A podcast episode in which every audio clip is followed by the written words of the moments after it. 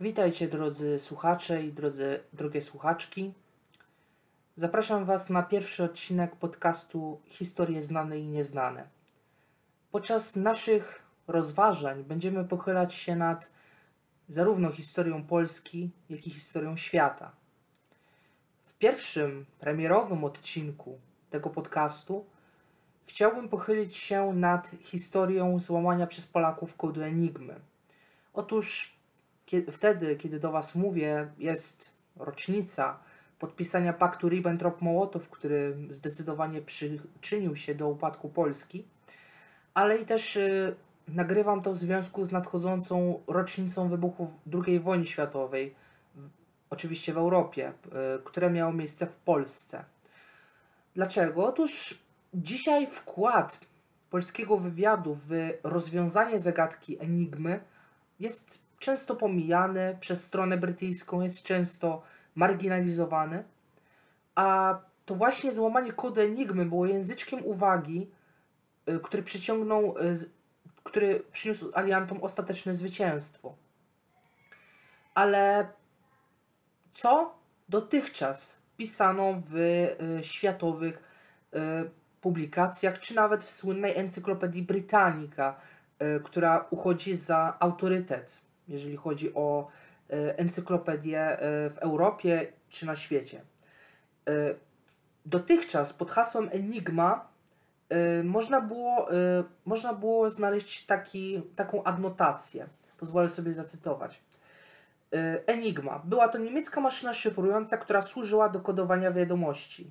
Złamanie kodu Enigmy było możliwe dzięki pracy dwóch wybitnych matematyków brytyjskich, Alana Turinga i Alfreda Knoxa którzy na bazie notatek i obserwacji polskiego inżyniera, który pracował w fabryce produkującej Enigmy oraz na podstawie y, drewnianej repliki zbudowanej wcześniej przez Brytyjczyków i Francuzów, rzecz jasna, y, zdołali zrekonstruować maszynę i ustalić położenie kluczy.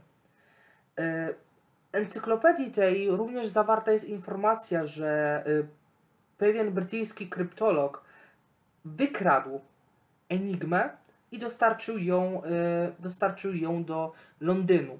E, tutaj takie pewne sprostowanie, otóż e, wykradzenie Enigmy albo w ogóle jakichkolwiek dokumentów z terytorium III Rzeszy, które było państwem policyjnym, totalitarnym, gdzie sprawdzano dyplomatów, gdzie dokonywano ich podsłuchu, E, nie mogłoby, się, by, nie mogłoby dojść fizycznie do wykradzenia największej tajemnicy III Rzeszy przez jakiegoś tam angielskiego kryptologa. Więc tutaj takie pierwsze sprostowanie tej całej teorii. E, I jak się zapewne domyślacie, szanowni państwo, szanowne, szanowni drodzy słuchacze, wszystkie, wszystko co przed chwilą przeczytałem, wszystko co było zawarte w Encyklopedii Britannica było fałszem. Otóż, e, tak jak wspomniałem na początku, Enigma, złam, raczej złamanie kodu Enigmy, było przysłowiowym języczkiem uwagi, który e, spowodował, że alianci zwyciężyli w końcu w czasie II wojny światowej. I wówczas, mówimy tutaj o latach 30., e, zarówno Francja, jak i Wielka Brytania nawet nie miał zbudowanego, e, zbudowanego prototypu Enigmy, podczas gdy już od 1 stycznia, bądź według niektórych źródeł 29 grudnia 1932, e, Polacy zaczęli czytać z Enigmy jak z przysłowiowej otwartej księgi. E, I jak doszło do tego, że ten wielki sukces, który przesądził o losach II wojny światowej, został przypisany osobom, które nie, nie wykonały nic które tylko skopiowały rozwiązania? No, odpowiedź jest bardzo prosta, bowiem y, złamanie, y, bowiem historię piszą zwycięzcy, jak to powiedział kiedyś y, Adolf Hitler podczas jednego ze swoich przemówień. Historię, y, że y, historia nie będzie go rozliczać, ponieważ y, to tylko zwycięzcy piszą historię. No, na koniec tych złotych myśli e, kolejny cytat dotyczący historii, a mianowicie cytat Winstona Churchilla, e, który powiedział, że historia będzie dla mnie łaskawa, ponieważ zamierz ja zamierzam ją napisać. E, to tyle tytułem wstępu. czas przejść do właściwego omówienia naszego tematu, a mianowicie jak doszło do skonstruowania, a potem złamania i przekazania na zachód maszyny szyfrującej Enigma przez polski wywiad. Otóż historia Enigmy wiąże się wraz z historią y, I wojny światowej. A mianowicie mamy rok 1918, końcówka roku 1918, wojna dobiega do końca, y, armie zarówno Entente, jak i państw centralnych są wyczerpane i pewien y, holenderski wynalazca Hugo Koch konstruuje taki, taką przeciwną skrzynkową maszynę, którą e, określano po niemiecku, rzecz jasna, określano nazwę, nazwą Geheimschreiber, czyli tajna maszyna do pisania. O, no, ona nie odniosła zbyt wielkiego sukcesu. Potem Hugo Koch odsprzedał ją Arturowi Schreibusowi, niemieckiemu również wynalazcy, który, któremu się przypisuje wynalezienie Enigmy ale on nie zbił na niej e, spodziewanego majątku i odsprzedał ją dalej. A warto pamiętać, że Niemcy 1919 roku to kraj w totalnej ruinie. E, zniszczenia wojenne, trwająca rewolucja, walki pomiędzy właśnie Spartakusowcami, czyli komunistami, a Freikorpsem, oddziałami rządowymi, to nie było, nie było pieniędzy ani miejsca do tego, żeby interesować się jakimiś nowinkami. Każde, każda marka niemiecka musiała zostać włożona najpierw w odbudowę państwa, a potem w płacenie reparacji aliantom oraz ich sojusznikom, rzecz jasna. E, I można by odnieść wrażenie, że Enigma gdzieś zniknie w, pomrokach, w mrokach dziejów, ponieważ tak zaczęto nazywać e, tą maszynę, Enigma. E, etymologia nazwy wywodzi się z greckiego i ona oznacza enigmos, czyli zagadka. Bo właśnie, jak się miało później okazać, miała być zagadką dla obcych wywiadów, rzecz jasna. I e, wydawałoby się, że ta nic nieznacząca maszyna zniknie w mroku historii, ale sytuację zmienił rok 1926. Otóż ku zaskoczeniu wszystkich, y, marynarka wojenna y, Republiki Weimarskiej, czyli ówczesnych Niemiec, ogłosiła, że adaptują Enigmę do szyfrowania swoich meldunków oraz korespondencji. I dwa lata później, wzorem y, właśnie marynarki wojennej, to samo uczyniła Reichswehra, czyli wojsko niemieckie. No i tutaj pojawił się pewien problem.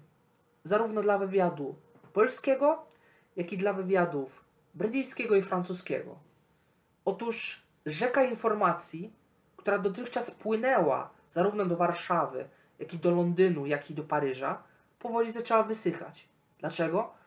Ponieważ, yy, ponieważ wymienione przeze mnie państwa używały radiowywiadu. Dotychczas meldunki prze, e, przekazywano za pomocą radiotelegrafu. I co za tym idzie, informacje o stanie liczebnym marynarki wojennej, w ogóle sił zbrojnych oraz o planach taktycznych yy, odeszły do lamusa. Dlaczego?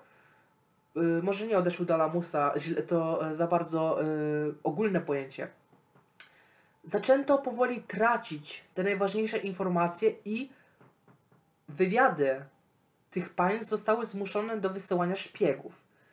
A y, no tutaj pojawia się zagrożenie, że taki y, zdekonspirowany szpieg, y, jeżeli dojdzie do dekonspiracji szpiega, to wówczas, to wówczas czeka go sąd i kula w łeb.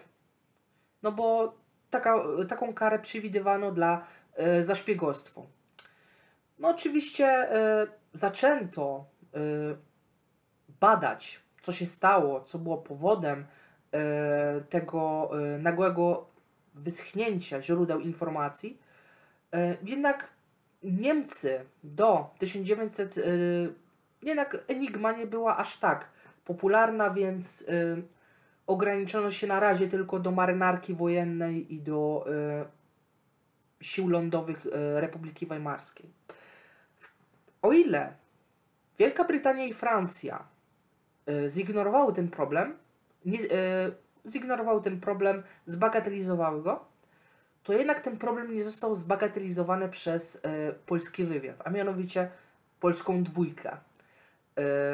Polska dwójka, tak tytułem, tytułem uzupełnienia informacji, Polska dwójka, czyli oddział drugi sztabu generalnego, później głównego Wojska Polskiego, y, był ta, była to komórka zajmująca się wywiadem.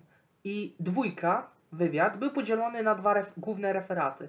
Referat Wschód, który miał się zajmować szyframi sowieckimi. Jego korzenie sięgają em, wojny polsko-bolszewickiej i działalności Jana Kowalewskiego, a także referat Zachód, który powstał po podpisaniu przez Niemców i Sowietów traktatu y, w Rapallo, a później w Locarno.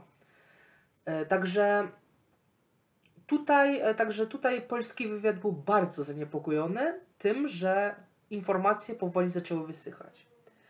I polski wywiad w przeciwieństwie do e, Francuzów i Brytyjczyków siedział z e, rozłożonymi rękami, nie czekał na rozwój wydarzeń, tylko postanowił e, sięgnąć po nowoczesne środki.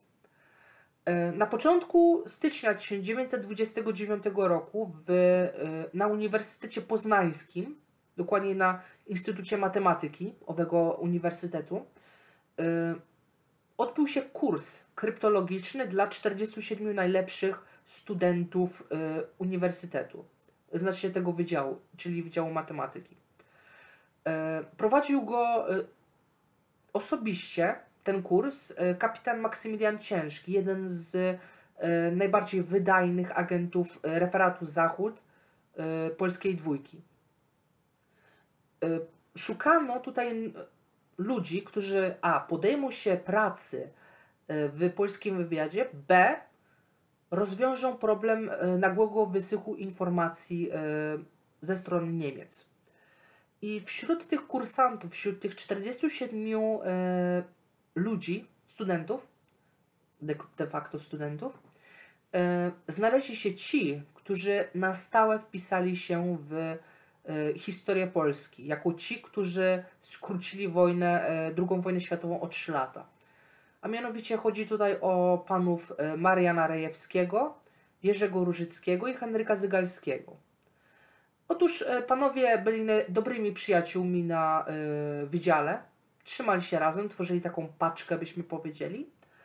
I po, początkowo byli niechętni temu kursowi, ale ich profesor, profesor, który z nimi prowadził zajęcia, który z nimi miał zajęcia, polecił ich e, kapitanowi Ciężkiemu, gdyż uznano, że e, oni są jednymi z takich najlepszych. I po kilku tygodniach e, kursu nadszedł wreszcie, taka, nadszedł wreszcie ostateczny test. Taka wisienka na torcie, byśmy powiedzieli. Otóż,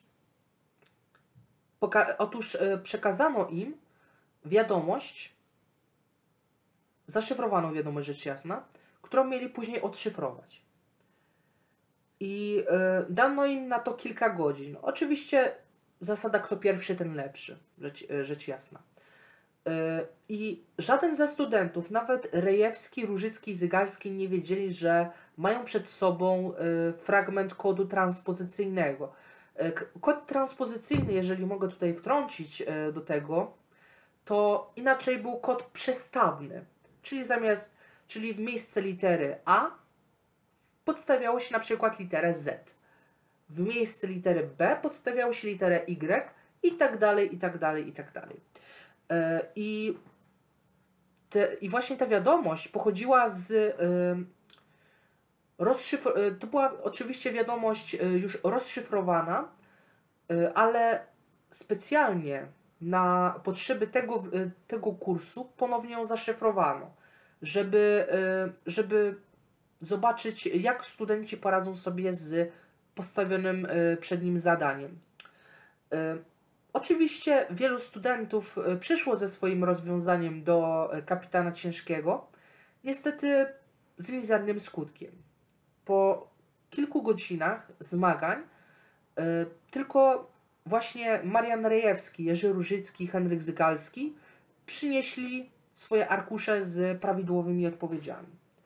I tak e, właśnie ci trzej studenci, ci trzej uzdolnieni, uzdolnieni studenci Uniwersytetu Poznańskiego, Instytut, Wydziału Matematyki rzecz jasna, e, zostali pracownikami biura szyfrów, e, znanej także jako BS4. Początkowo równa, równania, które opracowali, bowiem od razu po przyjęciu do pracy panowie zabrali się E, do dzieła, do pracy nad e, zagadką, nad enigmą. E, jednak w ich równaniach było wiele niewiadomych.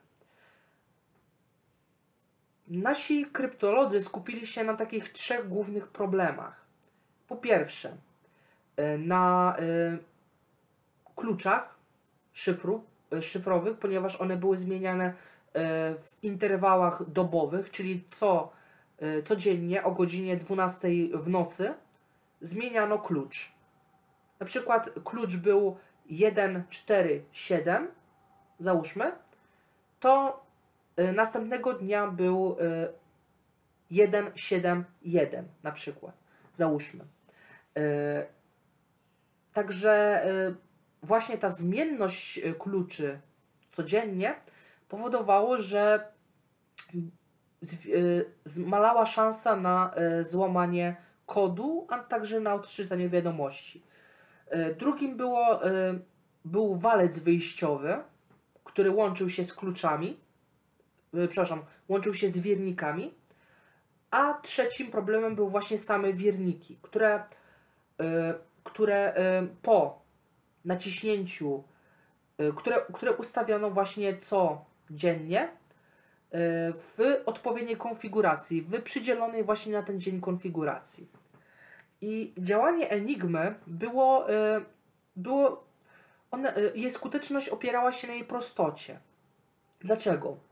Otóż na przykład jeżeli wcisnęliśmy literę A, wyświetlała nam się już zaszyfrowana litera H na pierwszym wierniku, rzecz jasna.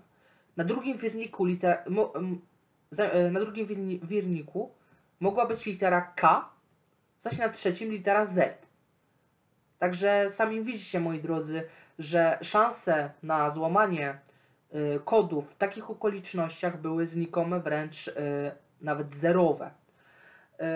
I nawet, nawet myślano o tym, żeby zrezygnować z tego projektu, ale na początku, na początku lat 30 Y, o dalszym postępie tych prac przesądził przypadek. Otóż e, należy się cofnąć e, do takiej pewnej sytuacji, pewnej sytuacji, która miała miejsce w e, Polskim Urzędzie Celnym w Tczewie. A mianowicie do rąk celników trafiła paczka, która była zaadresowana do niemieckiego konsulatu na terytorium Wolnego Miasta Gdańska. No bo wówczas Wolne Miasto Gdańsk miało status e, wolnego miasta, więc zarówno e, Niemcy, jak i Polacy mogli tam przybywać. I wówczas, kiedy celnicy chcieli zobaczyć, czy co jest w paczce, no bo wiadomo, no, celnik musi sprawdzić, czy nie jest czasem przemycana kontrabanda, e, broń czy jakieś inne niedozwolone materiały e, bądź produkty, to e, chwilę po tym, dosłownie chwilę po tym, jak otrzymali tą e, paczkę, e, w urzędzie celnym pojawił się pewien e, gentleman, który zażądał e, zwrotu owego pudełka. Uznał, że e, powiedział, że doszło do pomyłki, że zamiast e, do konsulatu paczka trafiła e, do e, urzędu celnego, do polskiego urzędu celnego w Tczewie. Oczywiście e, panowie grzecznie odpowiedzieli panu Niemcowi, no bo to akurat był pracownik, jeden z pracowników e, niemieckiego konsulatu. Powiedzieli e, mniej więcej, drogi panie, bardzo nam przykro, ale my już zamykamy, ponieważ jest dziś sobota. Proszę przyjść w poniedziałek w dogodnej dla pana porze. No, Niemiec się zgodził i wyszedł z urzędu celnego, a celnicy zamknęli drzwi. No bo zamykali już. I kiedy celnicy zamknęli ze sobą rygle, to ich oczom ukazała się enigma. Co prawda była to wersja handlowa, ale prostsza handlowa właśnie, e, ale to y, miało okazać się przełomem w pracach nad złamaniem kodu Enigmy. I y, wówczas celnicy zadzwonili do kapitana Ciężkiego, by podzielić się z nim swoim odkryciem. Kapitan Ciężki w trymiga wsiadł w samochód, biorąc ze sobą techników, kreślarzy, elektryków i czym prędzej przybył do Tczewa. Technicy wykona, wykonali rysunki techniczne, elektrycy zbadali połączenia elektryczne w tej maszynie, technicy rozebrali Enigmę na czynniki pierwsze, by pomóc technikom sporządzić rysunki. I tak e, plany, co prawda e, handlowej wersji Enigmy, trafiły na stół e, zespołu Mariana Rejewskiego. No oczywiście owy Niemiec w poniedziałek, zgodnie z e, umową, przyszedł z powrotem e, do urzędu celnego, poprosił o wydanie paczki, a celnicy, jak gdyby nigdy nic, paczkę wydali. Nawet Niemcom w najśmielszych snach by się nie wydawało, nie, nawet w najśmielszych snach nie, my, nie pomyśleli, że w trakcie weekendu naszemu wywiadowi uda się zdobyć yy, tak cenne informacje. A drugim yy, przełomem, yy, który przyniósł owoce, który przyniósł później owoce w ramach złamania kodu Enigmy, była, był cynk od Francuzów. A mianowicie Niemcy znisz, co prawda niszczyli stare klucze, ale w, we francuskie ręce wpadła instrukcja obsługi, co prawda wówczas handlowej wersji Enigmy, ale jednak, oraz klucze do tej wersji Enigmy.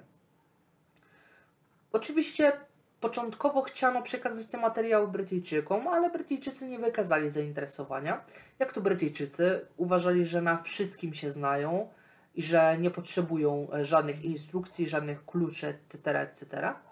Więc y, szef wywiadu francuskiego Gustave Bertrand przekazał y, te klucze oraz tą instrukcję Polakom. No i okazało się, że to był y, strzał w dziesiątkę. Bowiem, pomimo, bowiem y, Marianowi Rejewskiemu, jego ekipie, udało się y, rozwiązać problem zarówno walca wyjściowego, jak i y, kluczy. Pozostała jeszcze kwestia wiernika, e, wierników rzecz jasna, ale z tym już e, po odgadnięciu jak działa wiernik numer 1 e, doszli do tego jak działa wiernik numer 2 i potem wiernik numer 3, ponieważ pierwsze wersje Enigmy miały trzy wierniki. Jednak dalej zostawały pewne luki w równaniach zespołu Mariana Rejewskiego i liczba kombinacji, która wówczas, e, którą wówczas mieli do e, dyspozycji, była przeogromna.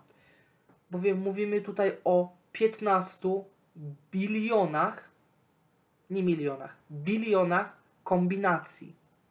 Czyli zajęłoby to człowiekowi jakieś 10 tysięcy lat. Najwy e, może trochę mniej, ale około 10 tysięcy lat na pewno. E, no i wydawałoby się, że polski sen o złamaniu Enigmy jest skończony, ale Marian Rejewski wpadł na bardzo, bardzo yy, nowatorski, być może można by rzec, pomysł. Mianowicie odwołał się nie do matematyki, ale do yy, psychologii. Albo yy, można powiedzieć logiki, rzecz jasna.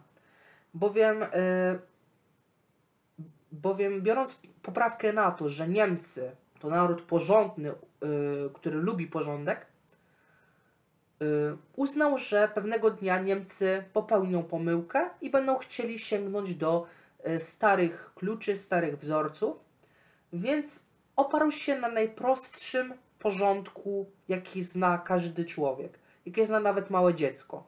A mianowicie chodzi tutaj o porządek A, B, C, czyli porządek alfabetyczny. I tego dnia, i właśnie to spowodowało, że nagle, ni, z gruchy, ni z pietruchy, yy, te równania,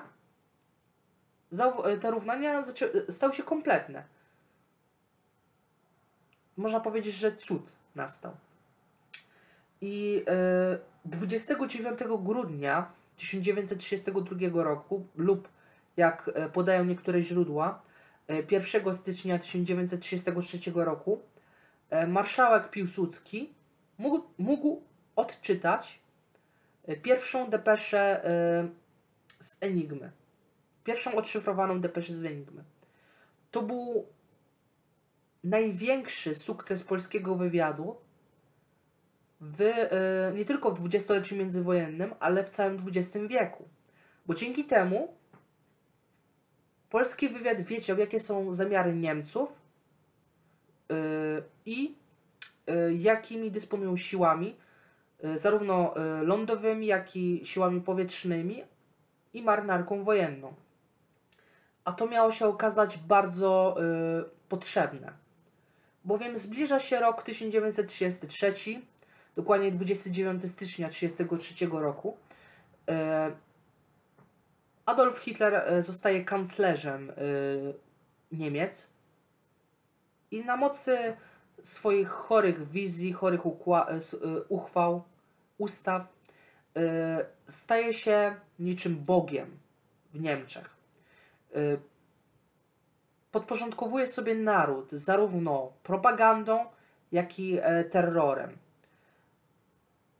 Poza tym półtora roku po zostaniu kanclerzem, Hitler mówi do aliantów, my odrzucamy traktat wersalski, my się na to nie zgadzamy. Gońcie się, alianci. My rozbudowujemy swoje siły zbrojne. No, alianci początkowo nie byli tym zachwyceni, ale potem zobaczyli, że no, może jednak warto zaufać temu Hitlerowi, no bo on będzie taką dla nas zaporą przeciwko komunizmowi.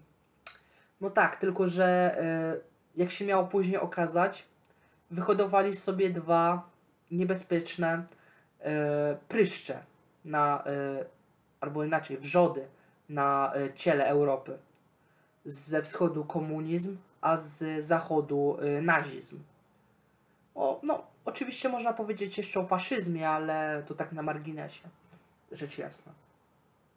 I wówczas każda informacja o planach mobilizacyjnych, o siłach zbrojnych, czy nawet o y, planach strategicznych były na wagę złota. No i Hitler oraz jego y, wierchuszka partyjna postanowili y, wdrożyć enigmę do szyfrowania wiadomości, ale już nie tylko wiadomości wojennej, dla marynarki wojennej, e, sił lądowych czy tworzonych sił powietrznych, ale Enigma miała być używana wszędzie do szyfrowania e, raportów z frontu, do szyfrowania korespondencji dyplomatycznej, handlowej, morskiej, etc., etc. Wszelkie ślady jakichkolwiek planów niemieckich na przyszłość miały zostać zamazane. Miała powstać jedna wielka biała plama. Jednakowoż tutaj e, zdecydowano się bardzo ostrożnie e, e, wycofywać Enigmę z rynku, ponieważ jeżeli e, nagle naziści e, wykupiliby e, z, ze wszystkich sklepów Enigmy, wzbudziłoby to podejrzenie, ponieważ e, coś się kroi na pewno a Niemcom właśnie zależało na tym, żeby, żeby e, Enigma zamaskowała działalność y, wywiadu, y, przepraszam, nie wywiadu, działalność rządu, a także sił zbrojnych już III Rzeszy. Także tutaj tylko Polacy wiedzieli, co się kroi. Ponieważ zarówno Wielka Brytania, jak i Francja, nasi najbliżsi sojusznicy, użyję tego eufemizmu, nie wiedzieli nic. Wysyłali szpiegów, wysyłali łączników, ale często okazywało się, że od razu wpadali w łapy gestapo, tajnej policji e, III Rzeszy i byli, wydawani, i byli skazywani na śmierć. Także można powiedzieć, że y, Polska zainwestowała w takie bezpieczniejsze rozwiązanie. Chociaż nie omieszkała wysyłać swoich agentów do y, Niemiec czy do Związku Radzieckiego. Y, no i nagle dla Brytyjczyków i Francuzów to źródło informacji wyschło na dobre. Już nie używano radiowywiadu czy, czy telegrafów, już używano maszyny szyfrującej. Ciekawe jest tutaj też to, że y, oficerem, który miał y, sporządzić y, opinię, miał zopiniować Enigmę, był niejaki Erich Felgibel. Pan Felgibel pozytywnie zaopiniował Enigmę. Uznał, że jest dobrym rozwiązaniem, no, jedynym też rozwiązaniem do tego, aby zamaskować swoją, zamaskować zamiary rządu Rzeszy. No, o ironio, y, pan Felgibel został stracony za udział w spisku na życie Hitlera 9 września 1944 roku, czyli notabene niemal 10 lat po wydaniu swojej ekspertyzy dotyczącej Enigmy. No i dla, y, no i alianci się zaniepokoili, bo tak jak już wspomniałem na początku, ich studnia z informacjami wygas wygasła. Nic, zero, nul, finito. No i Stuart Menzies, szef y, wywiadu przy Ministerstwie Wojny, nakazał swoim agentom y, drążyć, y, drążyć sprawę dalej. No i tak ci jego agenci drążyli, drążyli, drążyli, aż w końcu donieśli swemu szefowi, że Niemcy używają maszyny szyfrującej Enigma. I wtedy z Pragi, z rezydenta MI6 w Pradze, doszło, doszły niesamowite wieści, że pol polski wywiad już od trzech lat czyta depesze z Enigmy. Oczywiście Stuart Menzies nie o tym wiary, no bo wiadomo, Brytyjczyk ma się, yy, Brytyjczycy zawsze mieli taką tendencję do tego, że mają się za lepszych od tych na kontynencie, więc tutaj e, też nie było wyjątku. I dopiero potwierdzenie wywiadu e, francuskiego, że Polacy naprawdę złamali kod Enigmy, spowodowało, że Menzisowi kopara spadła aż do samej ziemi. Że jak to niemożliwe, przecież, przecież to się nie da. Przecież to się nie da, fizycznie się nie da zrobić. No ale jak powszechnie wiadomo, Polak potrafi.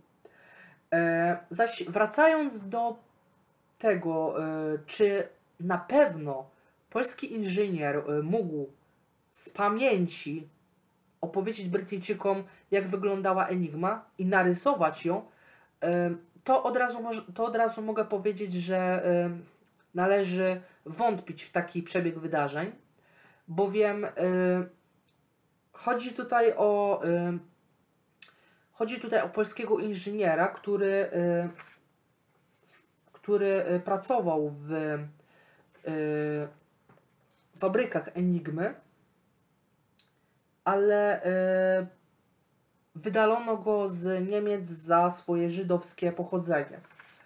Otóż, otóż jak to możliwe? Że pomimo tego, że miał to pochodzenie żydowskie, no wiadomo, ustawy norymberskie itd., itd., e, więc jak to możliwe, że Niemcy wypuścili człowieka z taką wiedzą? To się aż w głowie nie mieści. jeżeli oczywiście to by była prawda. No i zgodnie z brytyjską wersją e, wydarzeń, e, polskiemu inżynierowi zaproponowano A. 10 tysięcy funtów szterlingów, B.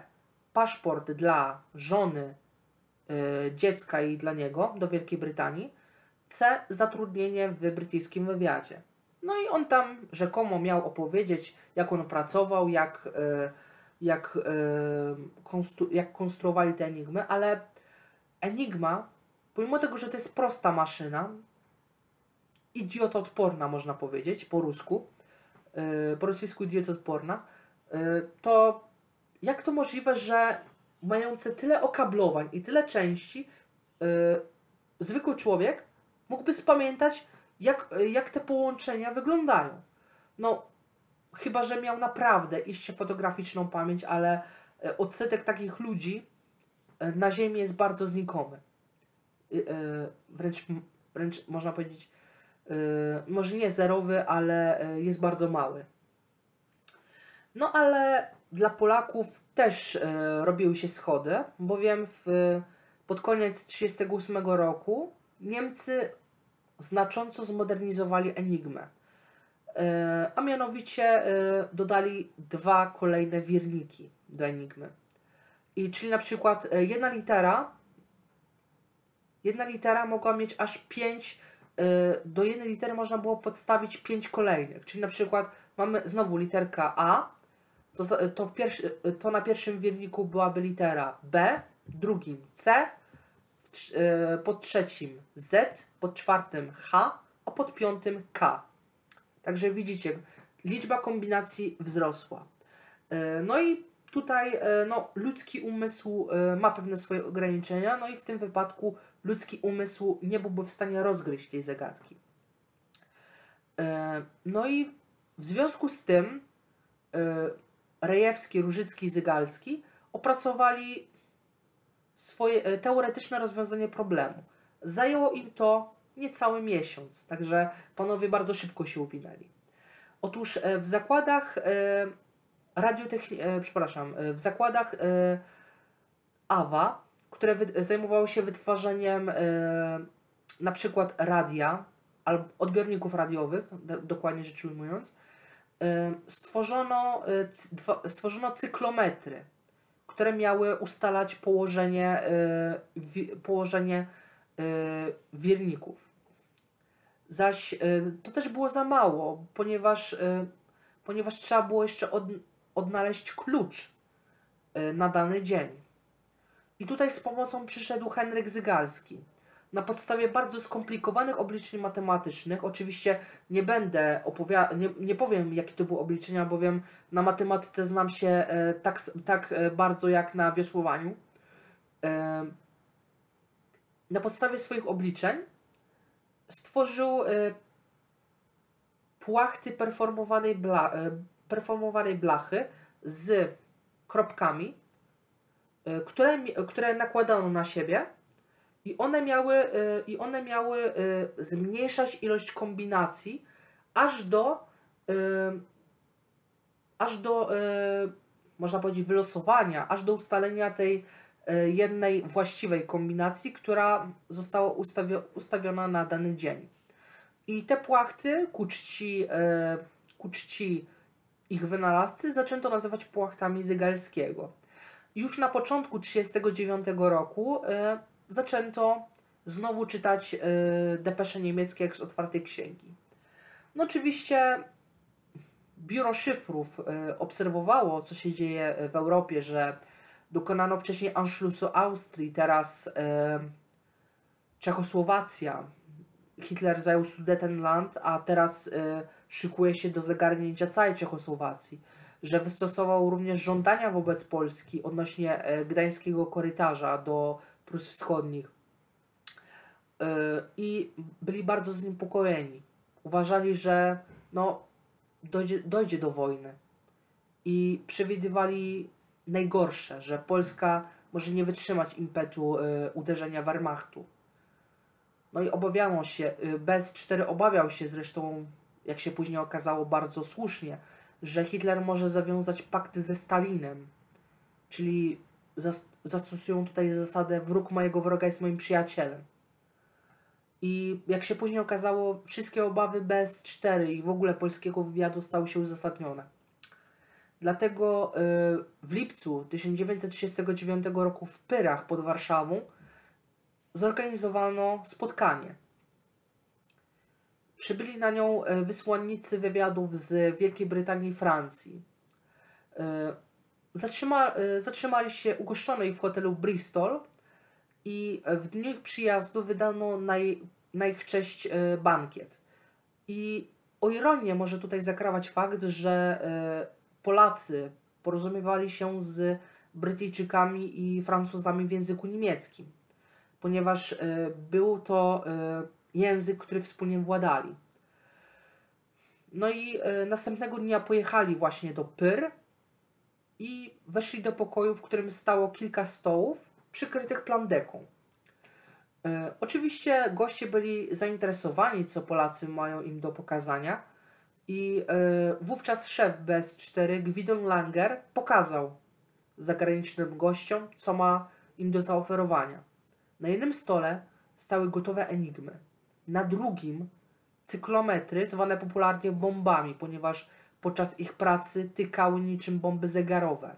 Na kolejnym stole leżały płachty Zygalskiego wraz z instrukcją obsługi Enigmy, jak, jak się z nią obchodzić.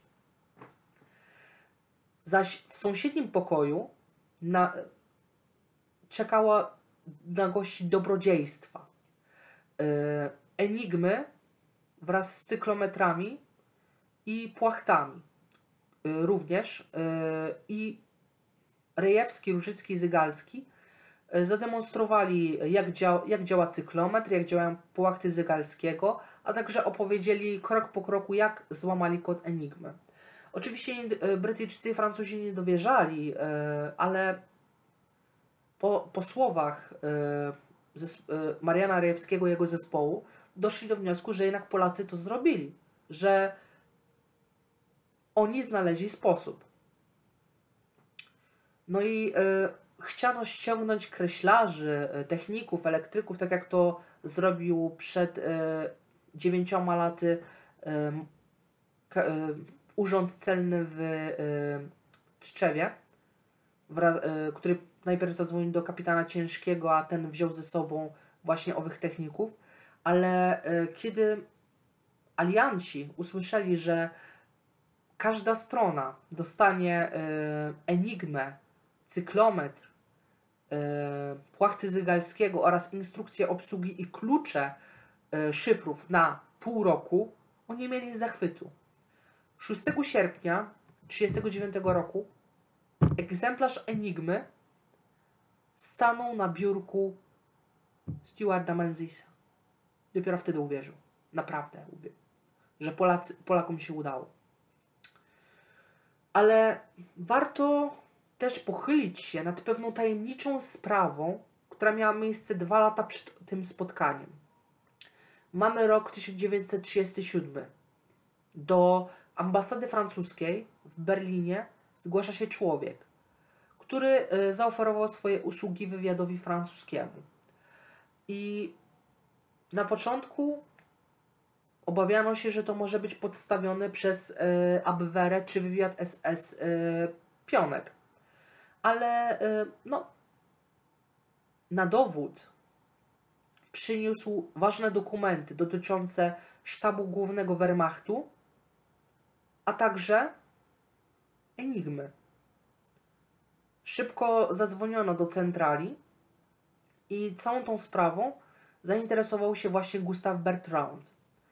Oczywiście y, Oczywiście dalej nie wierzono przybyszowi, ponieważ uważano, że y, może być pionkiem, ale postanowiono go sprawdzić. I, po, I przez kilka miesięcy przynosił materiały, które, jak się później okazywało, miały pokrycie y, w meldunkach wywiadu. I y, ten człowiek kazał siebie nazywać Asze. Asze, czyli popiół. Jednocześnie, ale wywiad francuski e, szybko ustalił personalia Asze i okazało się, że jest nim e, Hans Thilo Schmidt. pracownik Forschungsamtu, czyli e, biura, biura, można byśmy powiedzieli, biura administracyjnego. I ten Forschungsamt miał zajmować się niszczeniem starych, starych dokumentów wojskowych, w tym kodów starych kodów do Enigmy. I e, to, co, przekaz, co przekazywał Bertrandowi i wywiadowi francuskiemu, to była kopalnia złota. Otóż e, wszystko wskazywało na to, że Niemcy e, naprawdę, naprawdę poważnie myślą nad ulepszeniem Enigmy. To raz, a dwa, że te wiadomości, które im e, właśnie ten człowiek przekazywał, są prawdziwe. I że, poczo- że to jest sen. To jest po prostu sen. To jest po prostu niemożliwe, że e, coś takiego się dzieje. No i Asze przekazywał informacje do 1944 roku. Kiedy wpadł w ręce gestapo, przyznał się do współpracy z wywiadem francuskim i został rozstrzelany. Jako szpieg. No i, i teraz dochodzimy do kulminacji tych całych wydarzeń.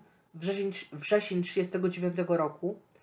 E, Polska broni się pod naporem Wehrmachtu, a potem pod naporem wojsk sowieckich. E, Dochodzi do ewakuacji e, biura szyfrów oraz polskiej dwójki. I e, Marian Rejewski, Jerzy Różycki, Henryk Zygalski e, przekraczają granicę z Rumunią jako cywile. Dostają się na zachód, do Francji. Chcą wstąpić do polskich sił zbrojnych we Francji, ale zaskakuje ich Blitzkrieg we fra- e, francuski na przełomie maja i czerwca 40 roku. E, Panowie zostają członkami francuskiego ruchu oporu, jednocześnie utrzymując kontakt z polskim rządem w Londynie. Oczywiście, no, tracą swojego przyjaciela Jerzego Różyckiego, który zginął w trakcie, e, w katastrofie morskiej e, na Morzu Śródziemnym w 1942 roku, ponieważ statek, którym płynął, został storpedowany przez niemieckiego ubota, czyli okręt podwodny. E, W międzyczasie Rejewskiego i Zygalskiego uwięziono, skazano na śmierć za działalność partyzancką, ale wyciągnął ich polski Czerwony Krzyż z opresji. E, Dostali się do Londynu, jednak nie byli już, nie dostąpili tego zaszczytu e, w kontynuacji swoich prac, których zaczęli w Polsce. Bowiem e, to, co się tam działo, to już była, jakby to powiedzieć, zasłona dym na Brytyjczyków. E, Chodzi tutaj o owiany tajemnicą ośrodek Bletchley Park. E, Bletchley Park to była szkoła, początkowa szkoła wywiadu marynarki wojennej e, brytyjskiej, ale z czasem, właśnie na początku II wojny światowej, z czasem za, zaczęto przekształcać ją w szkołę szyfrów. E, I na czele właśnie zespołu, który miał doprowadzić do złamania Enigmy, już przez Brytyjczyków, opracowania machiny na, na bazie tego, co Polacy pozyskali, był, byli właśnie Alfred Knox i Alan Turing. Oczywiście rekrutowano do pracy samych Brytyjczyków. No oczywiście to miało swoje uzasadnienie, ponieważ nie chciano, żeby informacja o tym, że e, Brytyjczycy czytają niemieckie depesze, wyszła poza mury Ble- Bletchley Park, to raz. A dwa, e, no, rozsiewano e, plotki. Rozsiewano plotki, e, żeby zamaskować pracę nad łamaniem kodu. E, Wprowadzono w błąd, że oni teraz pracują, mówiono, że oni teraz pracują nad złamaniem tego kodu, że oni jeszcze nic nie wiedzą. I ciekawe jest to, że w Bletchley Park znajduje się maszyna, cyklometr, zwany popularnie Ultrą przez Brytyjczyków, który jest jeden do jednego zerżnięty z, polskie, e, z polskiej bomby kryptologicznej. E, bomby kryptologicznej opracowanej przez e, Mariana Rejewskiego i jego współtowarzyszy. E, oczywiście Brytyjczycy złamanego słowa e, nie powiedzieli o tym, I już po wojnie zaczęli rozsiewać plotki, że to Brytyjczycy złamali kod Enigmy. E, o Polakach zapomniano, o polskim wkładzie zapomniano. Dopiero w 1974 roku odtajniono częściowo e, archiwa z Bletchley Park, w którym e, po raz pierwszy powiedziano o tak zwanym wątku polskim, ale nie za dużo, e, ponieważ obawiano się reakcji e, władz e, Polski komunistycznej, to raz, a dwa, e, bo Brytyjczycy uważali, że to ich zawsze musi być na wierzchu. Jednak taką prawdę, ale nie do końca prawdę, Brytyjczycy powiedzieli w, e, w 1999 roku, kiedy Polska wstępowała w struktury NATO. Jednak e, gdzie by nie patrzeć, w e, publikacjach zachodnich pisarzy, pi- historyków, publicystów itd., e, możemy natknąć się na zapis, że to Brytyjczycy złapali Enigmę. Tak, tytułem kolejnej ciekawostki mogę powiedzieć Wam, drodzy widzowie, że na bazie doświadczeń e, polskich kryptologów oraz ich pracy, Amerykanom w 1942 roku udało się złamać kod japoński oznaczony kryptonimem fioletowy. Tak, moi drodzy, e, dzięki polskiemu wywiadowi e, Amerykan, między innymi dzięki e, pracom polskiemu, e, polskiego wywiadu, na bazie, rzecz jasna, prac polskiego wywiadu, znowu się zająknąłem, e, na bazie prac polskiego wywiadu udało im się, udało im się złamać kod fioletowy. I tajemnica ultry przez Brytyjczyków była tak,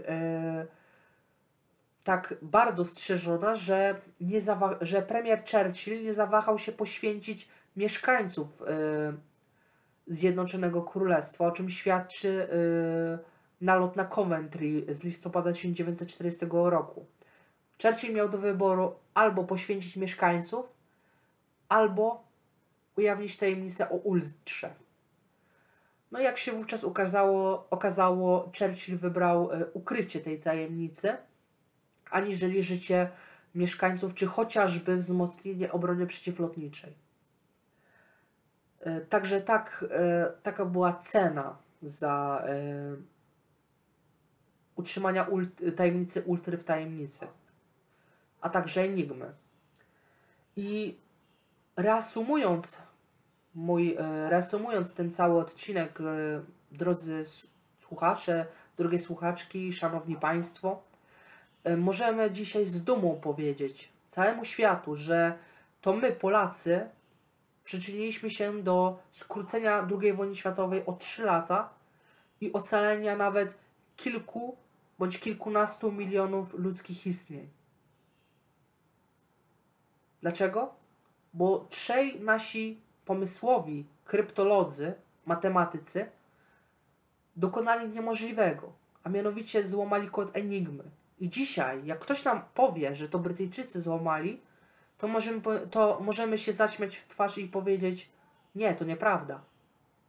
To nasi zrobili. Jak mi nie wierzysz, to pokażę ci dokumenty. Oczywiście tak żartobliwie, rzecz jasna.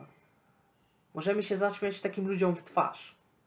No ale niestety retoryka nasza nie, y, w pewnych aspektach nie wygra z retoryką państwa, z którego to wyszło, ale bądźmy z tego dumni, ponieważ y, dokonaliśmy kroku milowego w y, wywiadzie, to raz, a dwa, nasi kryptolodzy skrócili wojnę o nawet 3 lata, według ekspertów, y, którzy znają się na temacie, a także, y,